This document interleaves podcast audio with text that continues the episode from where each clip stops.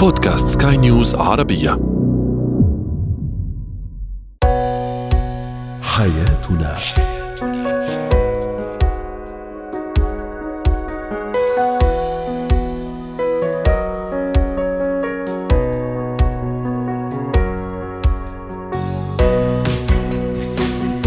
الكرام أهلا بكم معنا إلى حياتنا فضاؤكم اليومي الذي يعنى بشؤون الأسرة وباقي الشؤون الحياتيه الأخرى والذي يمكنكم الاستماع اليه عبر منصة سكاي نيوز dot com slash بودكاست وباقي منصات سكاي نيوز العربية الأخرى شاركونا عبر رقم الواتساب 00971 561 88 6223 معي أنا أمال شاب. هل الاهتمام الزائد بالشريك يفسد العلاقة بينهما؟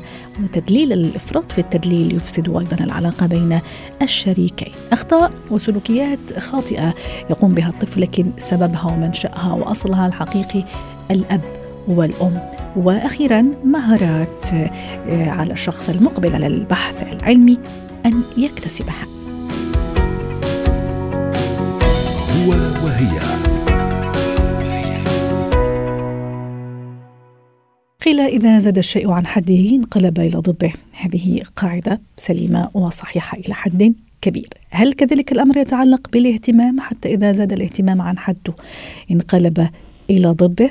دعونا نتعرف على تفاصيل هذا الموضوع مع دكتورة كريم إيليا الخبيرة في العلاقات الزوجية والأسرية ضيفتنا العزيزة من بيروت. يسعد أوقاتك. دكتورة كريم ما حدا ما بيحب الاهتمام يا دكتورة خاصة من قبل أقرب الناس؟ وحديثنا اليوم عن أقرب الأشخاص لنا زوج وزوجة في العلاقة طبعا بين الزوجين. وأيضا كان هذا سؤالنا تفاعلي هل الإفراط في تدليل الشريك يؤثر سلبا على العلاقة بين الطرفين؟ دعيني أقرأ بعض تعليقات السادة المستمعين. تعليق يقول عندما يكون لديه مشكلة أو عقدة نعم يؤثر. لكن إذا كان هناك حب وصداقة ووفاء سيدلل كل واحد منهما في ظروف جميلة وبالعكس سيؤثر إيجابا على العلاقة. تعليق يقول بدر يقول نعم حصلت معي وما تزال هذه المشكلة.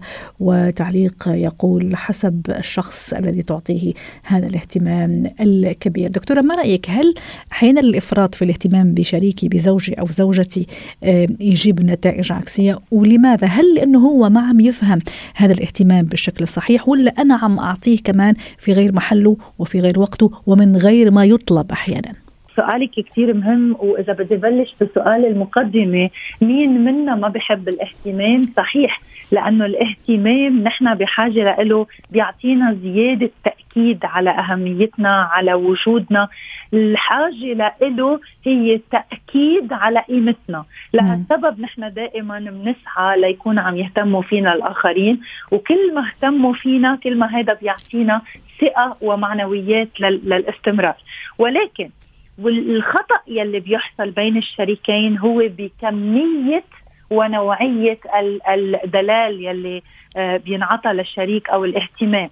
لأنه مثل ما دائما صار صاروا المستمعين بيعرفوا إنه نحن عم نتعامل مع شخصيتين مختلفين. صح. إذا وحدة من هالشخصيات عندها حالة مرضية وهون بحكي شوي عن الشخصية النرجسية إذا أنا عندي شخصية نرجسية أو ميل إلى النرجسية أنا بقدر أستهلك اهتمام شريكي فيي لحوله إلى تلاعب مانيبيوليشن وبالإضافة إلى ذلك نوصل لمطرح أنا ما بعود إشبع اهتمام وبكون عم فرغ شريكي من كل شيء لأنه عم بحصل على اهتمام ولكن ما عم بعطيه بالمقابل آه، اي أي كريدت أو أي تقدير على هالاهتمام.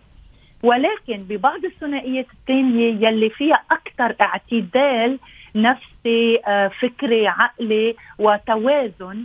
هيدي العلاقات وقت يكون فيها اهتمام كل ما بيكون هيدا الاهتمام متبادل ومدرك كل ما العلاقة كانت عم تتحسن وكل ما آه، بيرجع بالخير للعلاقة. مثل ما ذكرتي هل كثرة الدلال تنقذ العلاقة؟ إيه ممكن تنقذ العلاقة بهيدي الحالات. ولكن حذاري مين الشخص يلي عم بهتم فيه؟ وقديش عم بهتم فيه وقديش كثرة اهتمامي بشريكي هي بس تعبي فراغ عندي أنا كمان. أها رائع جميل. وكمان دكتورة شغلة حابة كمان أستفسر فيها آه، أو بخصوصها. آه، لما أحيانا ما يطلب مني شريك هذا الاهتمام ولأني أنا اعتقاد مني أنه هذا الاهتمام آه، بالعكس راح يخليه سعيد في العلاقة راح يكون مبسوط في العلاقة راح يكون راضي عن هذا العلاقة. بصير أنا كزوجة أو كزوج أعطي هذا الاهتمام من غير ما يطلب. هل هذا كمان يعني مش في محله ولا في توقيته ما دام لم يطلب مني؟ لأنه في البعض يقول لك أنا أعطي خلص من غير حدود وأعطي اهتمام يعني يعني من غير من غير ما يطلب مني. هل هذا سيء مضر بالعلاقة؟ نعم. آه، هولي شغلتين مختلفين كليا. مم. أنا العطاء بلا حدود هذا عطاء مرضي غير صحي مرفوض بالعلاقة. مم. Okay؟ لأنه على المدى الطويل نحن على المدى القصير بنكون عم نستمتع بالاثنين. الشخص اللي عم يعطي والمتلقي. ولكن على المدى الطويل بتصير toxic للعلاقة العطاء بلا حدود لأنه ما بيعود عطاء مجاني بصير عندي انتظارات معنوية نفسية على كل الأشكال.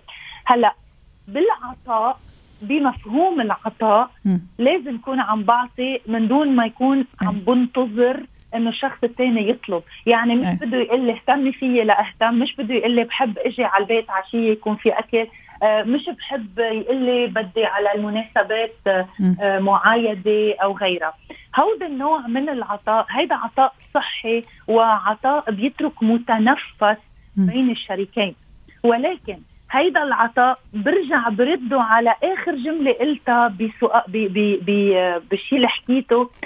هيدا النوع من العطاء هو ليعطيني اكتفاء ذاتي لإلي. لأن في بعض الشخصيات بتعطي لإرضاء الآخر للتأكيد على وجودها ولقبولها لتكون مقبولة. وهون بنصير خطر نعم. لأنه إذا أنا عم بعطي الآخر يلي منه منتبه لحجم عطائي أنا صار عندي انتظارات والآخر بعده عايش عادي. بتزيد عندي حالة الفرستريشن الأحباط وبصير عندي القلق الشديد. وبعدين بنبلش نفوت بخلافات ثانية بالعلاقة جميل. يلي هي ما بيفهمني ما عم يهتم فيي. آه أنا كثير منيحة بس هو ما ما عم يتجاوب. وبنبلش نروح على سوء الفهم بين الشريكين. جميل. وخلافات بتبلش صغيرة وبتصير تكبر لتخلق مسافات بين الاثنين وبروح من ال extreme تبع العطاء لل extreme تبع الهمال صحيح وعلى سيرة يعني ال extreme أو يعني التطرف في في في في العطاء أو الاهتمام لأنه شوية رحنا شوية حكينا عن عن العطاء اللي هو كمان ينبع من الاهتمام أو منبعه الاهتمام الزائد. الاهتمام الزائد أيضا دكتورة كمان يكون مثلا المبالغه بتلبية طلبات الشريك الزوج والزوجة المبالغة بمراعاة مشاعره الخوف يعني لدرجة كثير مبالغ فيها حتى خوف مرضي ممكن حتى بسبب ضعف يعني ضعف شخصية المبالغة في في الهدايا المبالغة بالتفاصيل بشكل مفرط به. وهذا أحيانا بيؤدي إلى آه، بين قوسين أنه الطرف الآخر يختنق يعني. ولو أنه آه، بالنسبة لي أنا عم أعمل شيء كويس وشيء مليح لكن الطرف الآخر ممكن تخنقوا هذا أو يخنقوا هذا الاهتمام المبالغ فيه. هيدا الاهتمام المبالغ أنا بعمله لإلي ما بعمله لشريكي. يعني كثرة عطائي لشريكي عم بعمله لإلي. دائما هيدا اللي بيصير بالثنائيات. وهون الخطر لأنه أنا عم بعطي هيدا الشيء لاكتفاء ذاتي عندي. واحيانا كثير بمنطقي وبثقافتي إذا اعطيت أنا رح يصير منيح معي. إذا آه كثير كنت منيحة ومش بس هيك.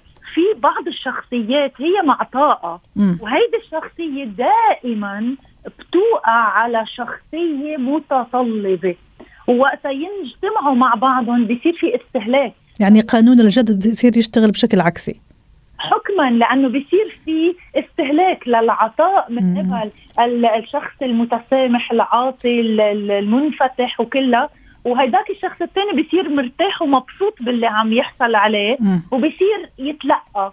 بصير ما بيعود هو يعرف أي متى حدود آه، يوقف يعطي والآخر ما بيعود عنده حدود ليوقف يتلقى. ممتاز. وهون بتبلش الاصطدام لأنه مثل ما ذكرت بتعلى نسبة الفرستريشن الإحباط الشخص اللي عم يعطي صح. لأنه عم بعطي لهدف بس هذا الهدف ما عم يتحقق. هون بتصير بتصير تكبر هيك المشاكل والقلق وبصير عندي رفض ونفور من شريكي. والوسطية مطلوبة في كل شيء دكتورة كريم حتى في مشاعرنا حتى في اهتمامنا وحتى في عطائنا شكرا لك دكتورة أسعدتينا اليوم أتمنى لك أوقات سعيدة. زينة الحياة. أحيانا ألاحظ سلوكيات خاطئة أو تصرفات سيئة من طفلي. آه، أحيانا أحاول ألوم أحاول أعرف ما هو السبب وإذ هو السبب أنا. أو الزوج أو الأب يعني أنا كأم أو أب هم عم يستبدوا منا هذه السلوكيات الخاطئة من غير ما نعرف. دعونا نتعرف على بعض بعض من هذه السلوكيات مع الدكتورة منى لملوم الخبيرة النفسية والتربوية ضيفتنا من القاهرة يسعد أوقاتك دكتورة منى ما هي السلوكيات عفوا اللي يقوم بها طفلي ويكون أكون أنا السبب فيها آه، كأمه أو أبوه. طبعا في سلوكيات كتير بتبقى صادرة من الطفل بيكون السبب الأم أو الأب والسلوك الواحد عند الطفل ممكن يكون ناتج عن عدة أساليب في التربية مش سبب واحد. خليني أضرب لحضرتك مثال مثلا الطفل لما نلاقيه عدواني هو بيروح بيمارس العدو العدوان أو بيضرب أصدقائه أو زمايله في المدرسة أو في الحضانة. ده ممكن يكون بسبب إيه؟ تتعدد أسباب سلوك زي ده. ممكن يكون بسبب تدليل زائد من الأهل. ممكن يكون إن الطفل بيعاني من تمييز ما بينه وما بين إخواته. الطفل عنده حرمان عاطفي. الطفل نفسه بيتعرض لعنف من الوالدين وبيحصل له تعنيف مستمر أو بيشاهده في في البيت وفي الأسرة وفي المنزل. فبيعتبر إن هي دي طريقة التعبير آه، عن الغضب. يعني أنا دلوقتي متضايق فالمفروض إن أنا هعمل إيه؟ إن أنا آه، همارس العدوان إن أنا هغضب إن أنا هضرب. سلوك آخر مثلا زي سلوك السرقة. الطفل لو عنده إحساس بالحرمان وأسرته مش بتلبي لاحتياجاته هو قد يلجأ إلى السرقة علشان يلبي الاحتياجات دي. ونفس الحكاية ممكن برضو يكون بسبب الغيرة آه، ما بين الإخوات. ممكن لو إحنا بيتجاب حاجة لطفل والطفل التاني لأ يعني الحكاية دي هتخليه هو يلجأ لده علشان يشبع الاحتياج. هقول لحضرتك حاجة أنا آه، يعني كانت جات لي إحدى الأمهات واكتشفنا إن سبب سرقة الطفل في الحالة دي وكانت حالات متكررة إنه ما بياخدش مصروف. فالأم بتقول لي أنا ابني بيجي بديله كل الحاجات اللي هو يحتاجها في الحضانة أو في المدرسة. فبقول لها طيب لكن هو لما بيروح بيشوف أصحابه وزمايله هم بيشتروا وبيختاروا. فهو عايز يمارس الاختيار ده فالمفروض يتحدد له مصروف.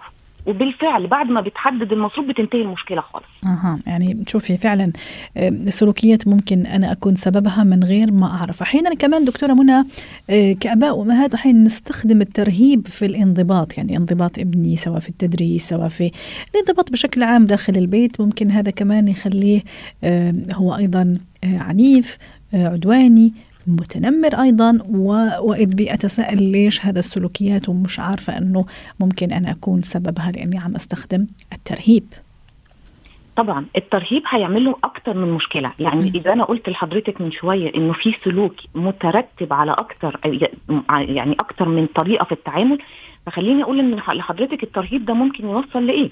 ممكن يوصل لخجل اجتماعي وعدم وعزلة اجتماعية، الطفل يبقى مش اجتماعي ومش بيحب إن هو يتواجد آه، وسط الآخرين، الطفل ده يبقى متردد عاجز عن إنه يتخذ قرار ما عندوش ثقة بنفسه. أدي سلوك واحد خاطئ بيصدر من الأم أو من الأب تسبب في عدة مشاكل بالنسبة للطفل. يعني لو هن برضه هنكمل مع حضرتك في مشاكل أخرى برضه عند الأطفال أي. بسبب سلوكيات أحيانا مثلا الكذب مثلا أنا متأكدة إني ما عم أمارس هذا السلوك السيء في في البيت لا أنا ولا الأب. لكن أحيانا لا هو يعتمد لهذا يعني ويتعمد هذا السلوك أو يجنح لهذا السلوك. لكن إذا يعني بحثت فعلا على الخفايا والخبايا ممكن أنا أكون السبب. شو ممكن أكون أعمل حتى يتعلم ابني هذا هذا السلوك السيء؟ هو الكذب. إذا زي إذا زي ما حضرتك قلتي إنه في الأسرة ما فيش كذب. هيبقى نبدأ نبص على الأسباب الأخرى. آه لأنه أحيانا فعلا هي أنا أقوم بسلوكيات مباشرة يلتقطها مني أحيانا بشكل غير مباشر وهذا اللي حنا اليوم حبينا نسلط الضوء عليه طيب. أحيانا بشكل غير مباشر. أنا ما اكون آه يعني مش عارفة إنه أنا أنا أنا سبب هذا السلوك وإذ به لا أنا السبب. جميل. طيب بالصورة الغير مباشرة إذا أنا بفرق ما بين في التعامل ما بين الأبناء الطفل هيبدأ إن هو يلجأ إن هو يكذب. ليه؟ هو حابب إن هو ينتقم من أخوه. هو هيعمل هو الكارثة أو الك... الحاجة الخطأ زي ما بنقول ويجري يشتكي ويقول إن أخوه هو اللي عمل الحكاية دي. فالكذب هنا هيكون ناجم من إنه في تمييز في التعامل. آه الاسوأ اذا إذا الأم والأب متعودين إن هم بيتعاملوا مع ابنهم بطريقة فيها قسوة هيلجأ طبيعي إن هو يكذب عشان يهرب من العقاب دي صح. آه بعض الأسباب ممكن مثلا لو الوالدين منفصلين عن بعض والطفل عايش مع زوجة أم آه مع آه زوج أم أو زوجة أب مم. هو هيلجأ برضه في الحالة دي للكذب علشان يعني عايز يا إما برضه متضايق منها يا إما آه، بيدافع عن نفسه لأنه هو زوجة الأب أو صح. زوج الأم بيكذب على الطفل صح. فهو هيلجأ إن هو يكذب من باب إن هو يجيب حقه أو من باب إن هو بينتقد صحيح. أحيانا كمان حتى نختم معك من بين الأشياء ممكن نشوفها اللي هي مثلا المفردات أو الكلمات ال ال ال ال النابية أو مش لطيفة اللي ممكن أحيانا بعض الأطفال يتلفظوا بها رغم أنه في البيت لا أتلفظ بها أو ما أقولها أو ممكن أحيانا أقولها كذا بشكل عرضي اعتقادا منه إني ابني مني عفوا إنه ابني مثلا ما مش فاهمها يعني مش مش عاطيها اهتمام لكن لا يعني بمرور الوقت لا بنلاقي ممكن هذا الطفل ممكن يقولها يحكيها ممكن حتى على مرأة ومسمع ناس تانيين فأكيد هذا يسبب لي حرج كبير. دكتورة حتى نختم معك في عشر ثواني. آه، إذا أنا هقول الألفاظ قدامه فأنا قدوته. صح. علشان كده أحد الأسباب اللي بتسبب المشاكل للأطفال هي غياب القدوة. إن أنا أكون بعمل السلوك وبطلب من الطفل إن هو ما يعملوش صحيح. مهما قعدت أبرر للطفل وأقول له أنا قلتها علشان كذا أو. علشان كنت غضبانة صح. هو هيقول بالطبيعة ما هو أنا كمان غضبت واستخدمت الغضب بنفس الطريقة اللي استخدمتها صح. فأهم حاجة هنا هي إني أكون أنا بقدم القدوة للطفل من الأساس شكرا لك يا دكتورة منى لملومة سعدتينا اليوم أتمنى لك أوقات سعيدة مهارات الحياة اليوم سنتحدث عن مهارات البحث العلمي والبحث العلمي يعني استخدام العديد من الوسائل والأدوات الهامة التي تتخذ مناهج علمية دقيقة لحل مشكلة ما ومعرفة النتائج النهائية لهذه المشكلات. هذه المناهج طبعا تتطلب العديد من الخطوات والمهارات الخاصة التي يجب على كل شخص آه، حاب يخوض هذا هذا المجال. البحث العلمي أن تتوفر فيه. دعونا نتعرف عليها مع لانا قاعاتي مدربة مهارات حياة. سعد أوقاتك أستاذة لانا. أهلا وسهلا فيك. اليوم أنا قررت أني أخوض مجال البحث العلمي في مجال ما في موضوع ما شغلني وحابة أبحث فيه صراحة ممكن حابة يكون هو محور مثلا رسالة الدكتوراه عندي أو الماستر يعني أو أي شيء. المهم أنا حابة أدخل هذا المجال. ما هي الأشياء التي يجب أن نكون على دراية ووعي فيها والمهارات اللي ضروري ولازم أني أكون متسلحة بها؟ جمعة مباركة. أهلا من أبرز المهارات لحتى نفوت بمجال البحث العلمي خاصة هي مهارة التقبل. والتقبل هون بدنا نتذكر إنه بعمليات البحث نحن عم نخوض برحلة استكشافية. صح. فيعني نحن أكيد ممكن نتعرض لمفاجآت.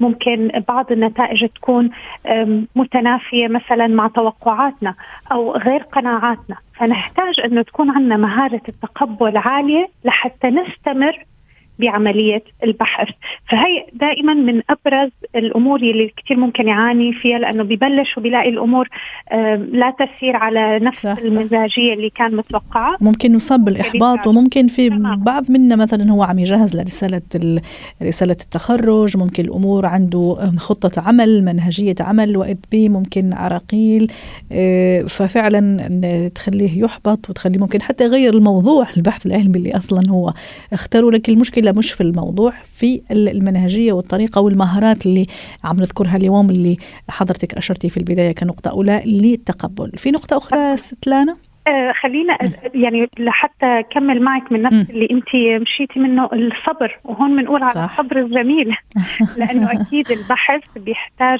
صبر طويل لتوصل صح. للنتائج صح. اللي أنت بدك وتكرار يعني دائما نقول trial and error يعني التكرار والخطأ والخطأ والتكرار صح وفي وفي بحوث استمرت لسنوات طويلة العديد من. السنوات حتى يعني- خرجوا بنتائج كويسة بحوث الدكتوراه أحيانا بت- بتروح من خمس سنين فما فوق صح فأكيد بدها جدا الصبر إنه إنه الموضوع حيحتاج وقت جد طويل وجهد واستمرارية، طبيعي إنه الإنسان يمل وياخذ فترات من ال- ال- النقاهه المتقطعة، لكن الصبر جدا مهم يكون موجود كأساس لتحقيق هذا الهدف. وطبعا من ال- الناس يعني اللي بيكون عندها بحوثات ناجحة مهم. تتميز نجاح محتواهم لأنه بيكون عندهم تفكير تحليلي صح. والتفكير التحليلي دائما معتمد على أنه الشخص بيكون عنده موضوعية ليوصل للمعرفة، يعني بيبعد العواطف وبيكون محكم للموضوعية بيستخدم يعني كل الحقائق الشواهد لحتى يحسن يوصل للهدف أو للمعلومة اللي يا اما عم يكتشفها أو هو عم يثبتها. من دون تهيؤات وخيالات وافتراضات أه. غير واقعية. هذا راح يقودني كمان لموضوع الحيادية في في البحث وفي الكتابة العلمية أستاذة لانا كثير ضرورية. ضروري إنه يكون محايد لحتى يكون موضوعي ولحتى يكون عم يعكس آه، بمصداقية م. النتائج اللي هو عم يوصل أو اللي هو عم يبحثها. صح. وممكن بنرجع بنقول لو هو آه، في عنده ما عنده تقبل المادة اللي عم بيكون عم بيتعامل معها فيمكن بهالطريقة حيحسن ما يكون عنده موضوعية ويتحيز لجانب لحتى يثبت وجهة نظره آه، ما بيكون هو فعلا عم بيحاول يثبت المادة العلمية أو الهدف تبع مشروع البحث. صح. آه، في نقطة يمكن مرتبطة بموضوع الحيادية مدري لكن حابة أشير لها اللي هو التواضع العلمي أيضا. كثير مهم. أي نعم نحن عم نبحث في موضوع ممكن يكون موضوعا باهر ومبهر وفعلا ممكن قد يكون مقدمة لأشياء أخرى.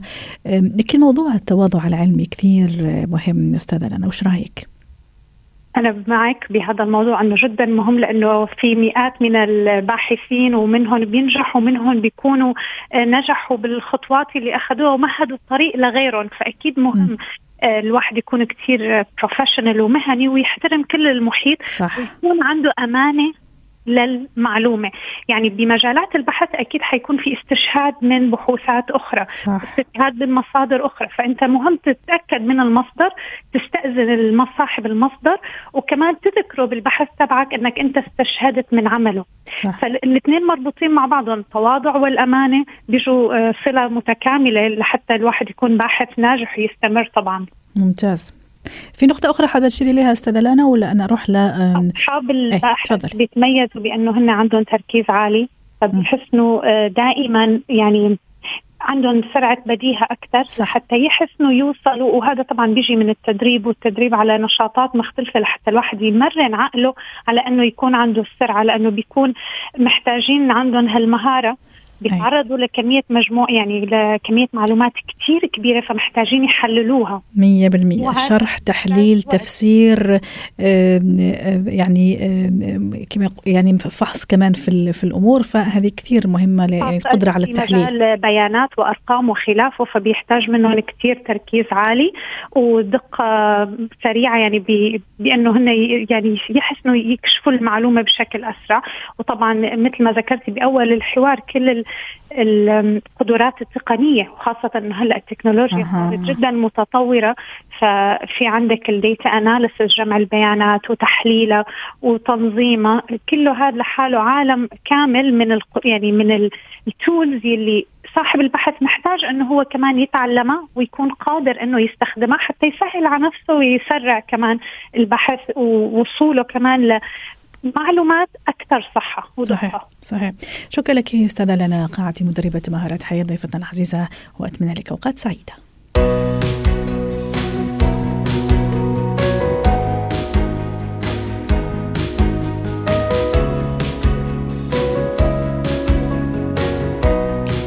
ختام حلقة اليوم من حياتنا. شكرا لكم وإلى اللقاء.